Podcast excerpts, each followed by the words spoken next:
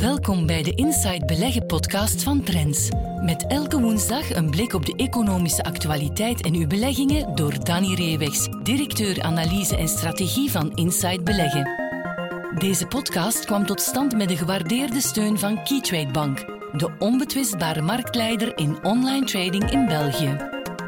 Welkom bij de podcast van Inside Beleggen. Aan het einde van deze aflevering zal Geert van Erk, hoofdeconoom van Keytrade Bank, wat dieper ingaan op de coronavrees op de beurzen en hoe je als belegger het hoofd koel kunt houden. Maar eerst spreken we met Danny Reewegs van Inside Beleggen. Dag Danny. Dag chef. Ja, en jij hebt nog eens gekeken naar de opkomende markten. En die hebben het niet zo schitterend gedaan, in tegenstelling tot wat er initieel verwacht werd dit jaar. Um, ja, wat zijn daar de redenen voor?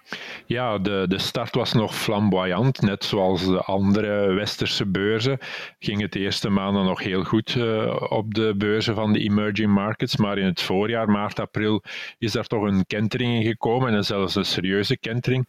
Dat we vandaag opnieuw moeten spreken van een teleurstellend jaar voor de beurzen van de opkomende markten, met toch een verschil ongeveer ten opzichte van de MSCI World Index van 25%. In de zin dat ja, die, de emerging market beurzen zelfs licht negatief staan op dit moment, terwijl ja, de, de westerse beurzen toch gemiddeld nog altijd een, een 20% eh, op winst staan. Dus toch weer een uh, opvallend verschil in het nadeel van de emerging market beurzen. Ja, en als je dat afzet, die prestaties van afgelopen jaar, uh, tegenover die historische prestaties van de laatste jaren, zijn er daar lessen uit te trekken of, of um, rode lijnen in te ontwaren? Ja, dan moeten we zeggen dat dat eigenlijk opnieuw een verlengstuk is van een situatie dat al, al een decennium lang bezig is. Met name dus dat die opkomende markten toch minder goed presteren dan de klassieke westerse beurzen. En dan dus vooral uh, ten opzichte van Wall Street is er toch een enorm groot uh, verschil als we kijken naar de gemiddelde return, dus de opbrengst, dat is dan de, de, de stijging van de index samen met, uh, opgeteld met de dividenden, dan zitten we slechts aan een gemiddeld rendement voor wie in de opkomende markten belegd heeft de afgelopen tien jaar van 6,2 procent, omdat dus de index op die tien jaar tijd maar een, kleine 40 procent is gestegen, dus dat is maar een, een kleine 4 procent per jaar. Dus dat is echt weinig in een omgeving van, van lage rentestanden. En als we dan vergelijken met de MSCI World Index, ja, daar zien we daar toch een gemiddeld uh, rendement van bijna 14%, dus meer dan het dubbele. Eh, en dus een verschil in prestatie, in opbrengst van 183% in het voordeel van de World Index.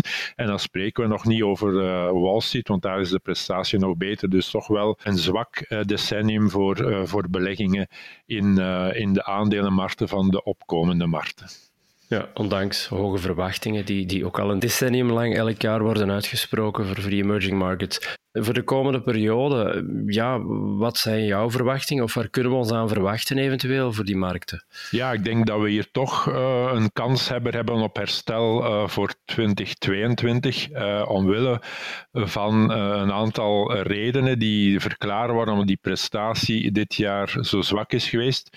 Ten eerste is er de sterkte van de dollar, hè, die is toch manifest ook met de tapering, het afbouwprogramma van het stimuluspakket in de Verenigde Staten door de Federal Reserve. Dat heeft de dollar verder uh, doen verstevigen, want andere landen, zoals Europa, is nog niet zo ver om uh, dat stimulusprogramma al, uh, al af te bouwen. Dus dat is één aspect. Twee is de uitrol van, van de vaccins. Hè. Die is vooral heel snel gegaan in de westerse wereld, in Europa en, en Noord-Amerika. Daar zitten we veel verder dan bijvoorbeeld in Azië of Latijns-Amerika. En we hebben tot nu toe gemerkt, ja, het is de enige manier om de pandemie min of meer uh, te controleren. En zelfs dat lukt niet helemaal, maar voor landen waar de vaccinatiegraad nog altijd laag is, ja, is elke uit, uitbraak, nieuwe uitbraak natuurlijk meteen redelijk pijnlijke. Dus dat is ook een tweede argument waarom uh, de opkomende markten niet hebben gepresteerd. En derde is dan wat er allemaal gebeurd is in China. Dus dat ingrijpen in het bedrijfsleven van de autoriteiten die die uh, giganten, vooral dan de techgiganten, toch serieus hebben aangepakt met een salvo aan, aan onderzoeken, aan boetes, aan nieuwe reglementeringen. Dus ja, dat heeft het vertrouwen van vooral de westerse investeerder in China en, en bij uitbreiding in die emerging emerging markets toch wel serieus aangetast, hebben een, een, een uitstroom gezien van geld uit die markten. En dat verklaart waarom dat het dit jaar minder was. En ik denk, ja, oké, rond China moet toch geleidelijk aan die rust gaan terugkeren. Iedereen is vandaag positief ten opzichte van de dollar, dus misschien zit hij wel uh, tijdelijk op een, op een hoogtepunt. En dan vooral, ja, de, de vaccinatiecampagne loopt natuurlijk verder.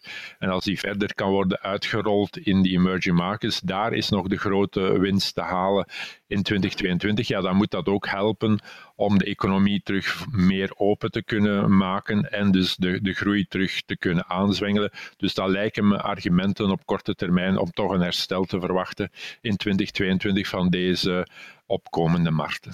Ja, dus herstelkandidaat voor 2022. Maar als je kijkt naar een aantal drijfveren op de nog langere termijn en, en wat die kunnen betekenen voor de opkomende markten, wat zijn daar de belangrijkste punten om, om rekening mee te houden als belegger? Ja, ik denk toch wel dat men vandaag die, die argumenten een beetje uit het oog aan het verliezen is. Dat men zich vooral op die korte termijn problematieken, zoals die ingreep van, van de Chinese autoriteiten, zoals die lagere vaccinatiegraad op dit moment, dat men die argumenten laat overheersen en niet meer ziet. Ja, dat het grote verschil van die opkomende landen ten opzichte van de westerse wereld is natuurlijk het, de, de groeidynamiek, de kansen om, uh, om te groeien van de economie, omdat men daar gewoon met nog een veel lagere levensstandaard zit en uh, ook vaststelt, ja, die, die, uh, die landen, daar, daar is nog altijd een bevolkingsgroei. Hè. Dat is iets dat in de westerse wereld veel minder of niet meer aan de orde is.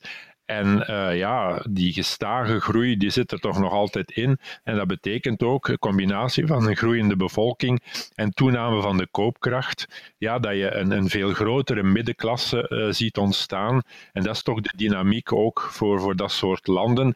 Die dynamiek is bij ons uh, grotendeels verdwenen. En dat moet toch een superieure groei geven de, de komende jaren. En dat is dan toch ook een basisargument om te stellen ja, dat we die markten, die emerging markets, toch nog absoluut niet mogen afschrijven. Nee, inderdaad, om in de gaten te houden de komende jaren. Met jouw aandeel van de week blijven een beetje in de buurt, uh, want je hebt nog een keer gekeken naar de Chinese tech-gigant Alibaba. Uh, die heeft ook een tumultueuze twee jaar achter de rug. Uh, dus om die historische context een beetje te kunnen, te kunnen plaatsen, wat zijn daar de hoofdpunten uit die beleggers moeten, moeten mee in rekening brengen als ze naar Alibaba kijken? Ja, het afgelopen jaar was een soort annus horribilis hè, voor, voor Alibaba. Hè, het bedrijf dat toch bijzonder succesvol was uh, de periode ervoor. Heel sterke ja. groei realiseerde. Ook bij westerse investeerders toch wel een zeer populair aandeel was, een soort uh, sterwaarde. En daar is toch wel wat uh, van weggeëpt de afgelopen maanden. Het aandeel heeft ook bijzonder slecht gepresteerd. Ten opzichte van de piek zitten we nu minder dan de helft. Dus de koers is meer dan gehalveerd in, in een relatief korte tijd. Uh, en dat heeft alles te maken met uh, toch wel die strijd een beetje met uh, de Chinese autoriteiten. Het begon ongeveer een jaar geleden toen ja, Alibaba zijn fintech-dochter Ant Group wilde naar de beurs brengen van Hongkong. Dat, moest, dat ging op dat moment de grootste IPO worden uit, uit de geschiedenis.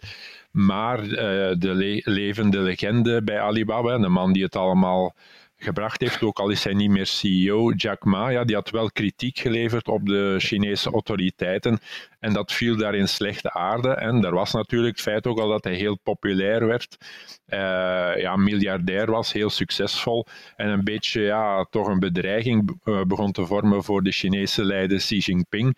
En dan hebben de autoriteiten ingegrepen, ze hebben de reglementeringen aangepast voor fintechbedrijven. Vlak voor die introductie, die is dan moeten afgelast worden, wat een enorme blamage was natuurlijk voor, voor Alibaba. En dan is er het salvo gekomen van bijkomende onderzoeken, boetes, reglementeringen. Recent nog hebben Alibaba, Tencent, Baidu, andere techbedrijven opnieuw een boete gekregen. Dus dat blijft maar uh, doorgaan.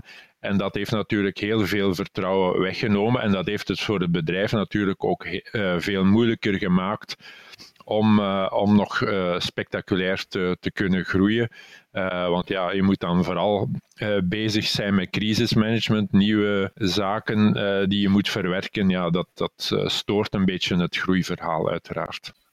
Ja, en aandeelhouders, zoals je zegt, die zijn er het laatste jaar niet echt vet mee geweest. Het kwam recent wel met resultaten um, en die waren een beetje gemengd, als ik goed begrepen heb. Wat, zijn er de belangrijkste punten uit? Ja, men omschreef het als een zwak, uh, zwak kwartaal, maar we zagen toch nog altijd een omzetgroei van, van 29 procent.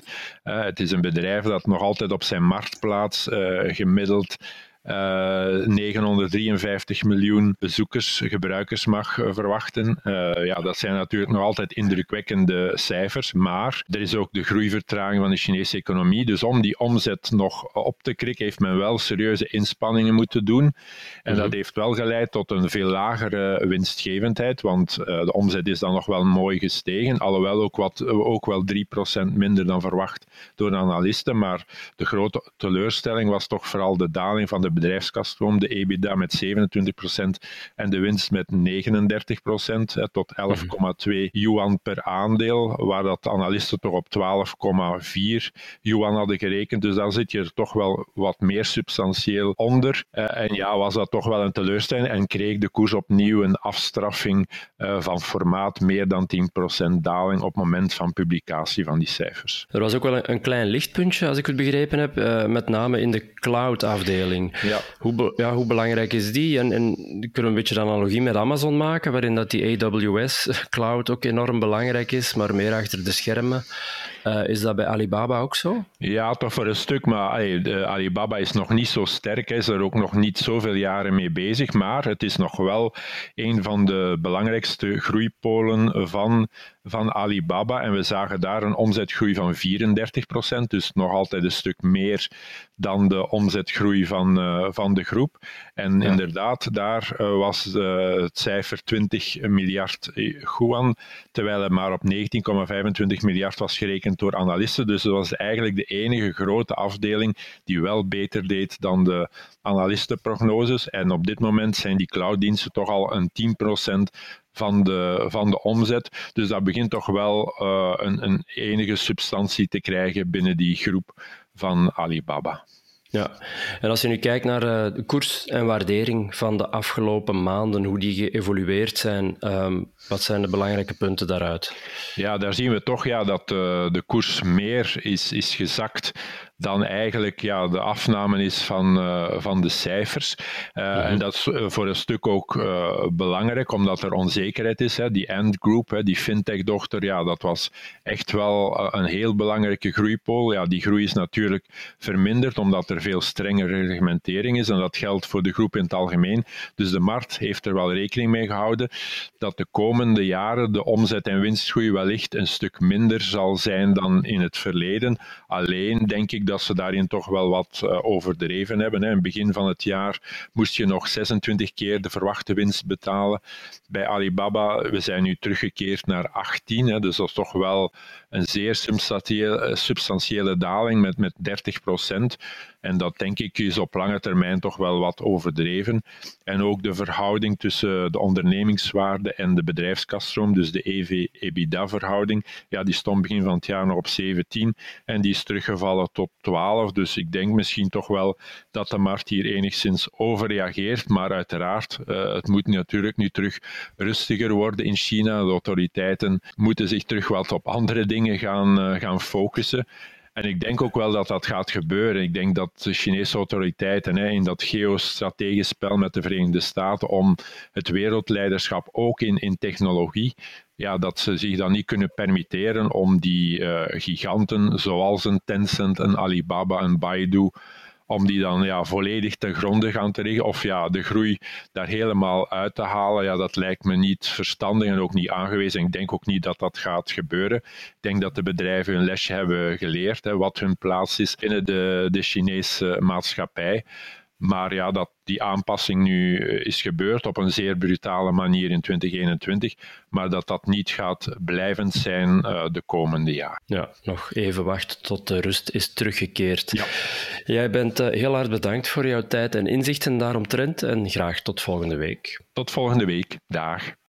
We luisteren nu naar Geert van Herk, Chief Economist van Keytrade Bank, met zijn analyse op een aspect van de economische actualiteit. Hallo iedereen en welkom bij de wekelijkse update. Een corona-update zou ik deze keer zeggen, want vorige week heeft corona opnieuw toegeslagen op de financiële markt. En vrijdag hebben we nog eens een dag gehad waarin de emoties hoog opliepen, waarbij natuurlijk ook ja, de verliezen van uh, heel wat toonaangevende indexen ja, de hoogte ingingen. Dus er was een soort van paniekstemming op de financiële markten, die natuurlijk werd aangestookt door de recente nieuwsberichten omtrent een nieuwe variant van het coronavirus, die zeker in Zuid-Afrika aan het toeslaan is, maar van daaruit de wereld lijkt te veroveren.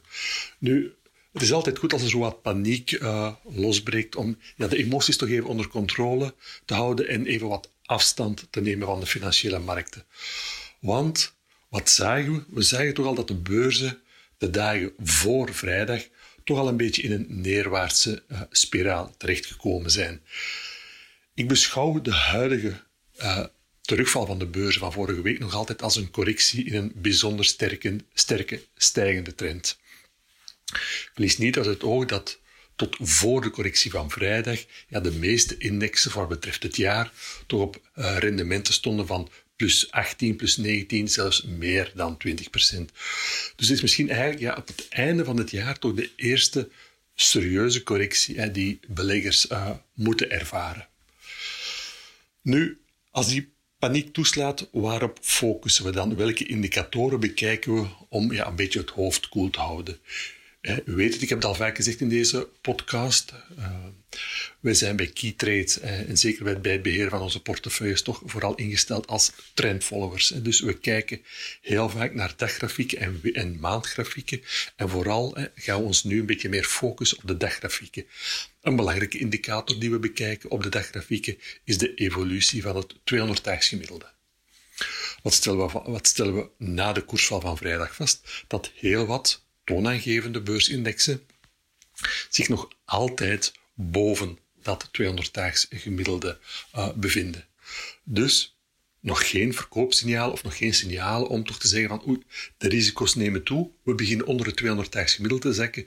Misschien is dat wel de aanleiding om onze portefeuilles wat defensiever uh, te maken, door eventueel ja, tijdelijk wat posities, uh, aandelenposities af te bouwen en cashposities op te bouwen. Een cashpositie die we dan kunnen aanspreken als het, het eindpunt van de correctie in zich komt. Maar zover zijn we dus nog zeker niet. Zoals gezegd, de S&P 500, de Eurostox 50, de Stoxx Europe 600 bevinden zich nog allemaal boven dat uh, 200-daags gemiddelde. En dus dat is eigenlijk nog altijd positief uh, nieuws. Zolang daar geen verandering in komt, blijven we eigenlijk uh, gewoon zitten. Hm? Uh, we laten deze correctie gewoon zijn gang gaan. Ik sluit niet uit dat er in de komende dagen en weken uh, nog wat neerwaartse schokken zullen zijn. Mm. Dus ja, dat moeten we gewoon aanvaarden. Dat is een onderdeel uh, van het spel. En ja, ik zet eigenlijk mijn, mijn, mijn, strategie van te investeren of te beleggen in cyclische aandelen verder. Hè. Dus ik heb ook in een podcast van, van vorige week gezegd. Solvay, Umicar, Aperam, drie bekende cyclische aandelen uit de Bel 20, die zijn natuurlijk ook vorige week uh, verder naar beneden gegaan, wat eigenlijk toch maakt dat hun verlies sinds hun top van, van midden augustus, hè, dat die verliezen toch al gaan richting 20, 25 procent. Maar ook hier, hè, dat zijn toch nog altijd correcties binnen een stijgende trend. Wat we wel zien voor de drie aandelen is dat de RSI-indicator, dat is opnieuw een technische indicator, als u een grafiek oproept van deze bedrijven en u zet er een, een, een, uh, een RSI-indicator bij, eh, dan zal u zien dat die op vrij lage niveau staat in, in de oververkochte zones en niveaus van rond de 20, 30 punten voor de RSI-indicator. En dat heeft in het verleden uh, toch altijd een, een bodem gemarkeerd voor deze aandelen. Maar werk ook in deze markt toch een beetje stap, stap voorzichtig in. Hè. Hou ook, wil ik ook nog zeggen, hou ook een, een plan B in het achterhoofd. Hè.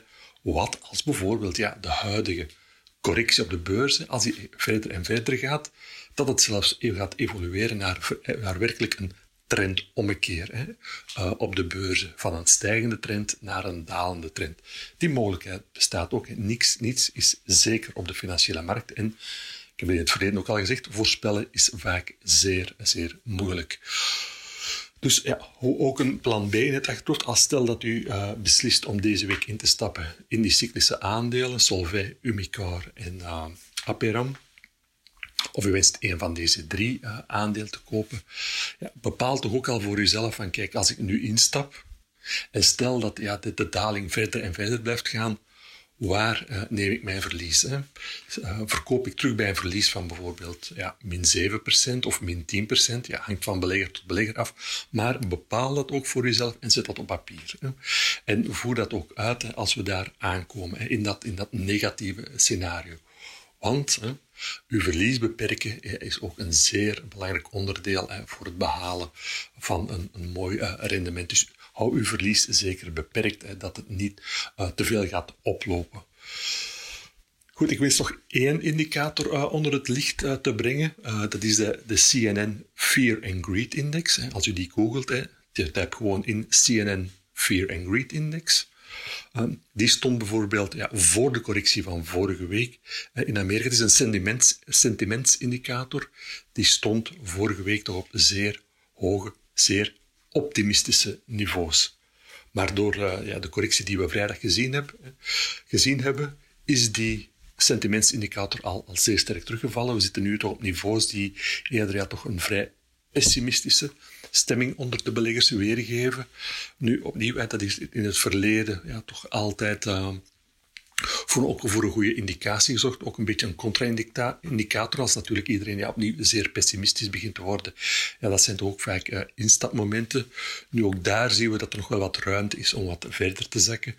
Dus al bij al hè, verwachten ja, het nieuws rond corona zal natuurlijk ook ja, uh, de kranten, uh, de tv-journaals uh, blijven bepalen. Dus het kan altijd wel op bepaalde dagen nog eens voor een opstoot van paniek zorgen. dus we, komen, we, worden de komende dagen zeker nog overspoeld met, met coronanieuws. Dus hou het, hou het hoofd koel, maar beschouw de terugval die we vrijdag en ook vorige week in het breder gezien hebben, um, beschouwt nog altijd als een correctie in een stijgende trend in een stijgende trend en houdt dus uh, ja, cash klaar om dat uh, aan het werk te zetten. En bij voorkeur natuurlijk in de cyclische aandelen uh, die we hier al vaak hebben opgenoemd. Ik herhaal ze nog eens kort. Aperam, Solvay en Umicar. Alvast bedankt voor uw aandacht en we spreken elkaar opnieuw volgende week. Tot zover deze aflevering van de Inside Beleggen podcast. Meer tips, advies en analyses voor uw beleggingen leest u morgen in Trends. Volgende week zijn we er opnieuw. Deze podcast kwam tot stand met de gewaardeerde steun van Keytrade Bank, de onbetwistbare marktleider in online trading in België.